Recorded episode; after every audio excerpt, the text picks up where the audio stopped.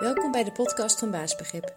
In deze podcast krijg je handige, praktische en vooral logische tips op het gebied van mindset, persoonlijke effectiviteit, zelfvertrouwen en communicatie. Om jezelf te versterken en je persoonlijke en werkgerelateerde uitdagingen succesvol aan te pakken. Ik ben Sandra en ik wens je heel veel plezier met het luisteren naar de Baasbegrip podcast. Nou, ik wilde het eigenlijk een keertje hebben over het ding uh, tijd. Nou moet je daar natuurlijk niet al te veel over nadenken. Tenminste, ik niet, want dan kun je daar helemaal uh, gek van worden in je hoofd. Als je daarover na gaat denken hoe dat in elkaar zit.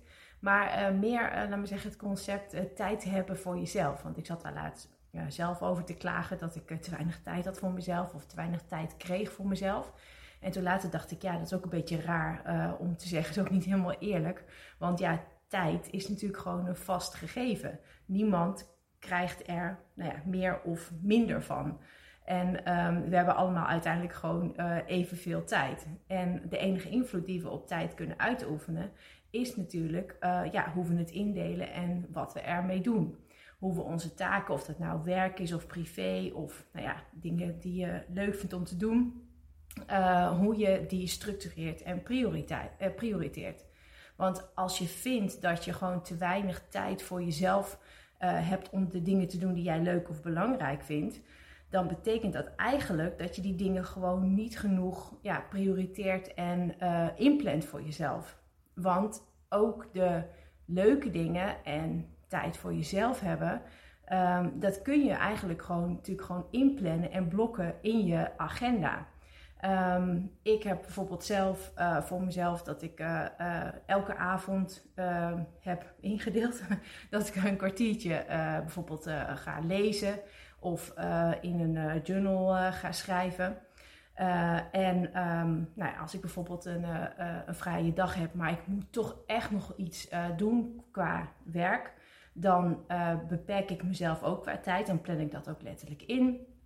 En um, nou, ik zeg maar wat, eh, de, de zondag, dat is echt uh, um, ja, mijn dag of van mij en mijn man. En um, uh, dan plan ik ook gewoon geen dingen in zoals klusjes of werk of afspraak met andere mensen. Dus ja, je, je kan de vrije tijd voor jezelf, de, uh, de tijd voor jezelf om dingen te doen, kun je natuurlijk gewoon letterlijk ook inplannen. Of eigenlijk andersom gezegd, je plant daar geen uh, andere dingen. Dus kortom, ja, klagen over het hebben van te weinig tijd, dat uh, gaat je niet op magische wijze gewoon meer tijd opleveren. Je kan niet zomaar meer tijd creëren. Um, wat je met die tijd doet en het gewoon zelf indelen, dat kan natuurlijk wel.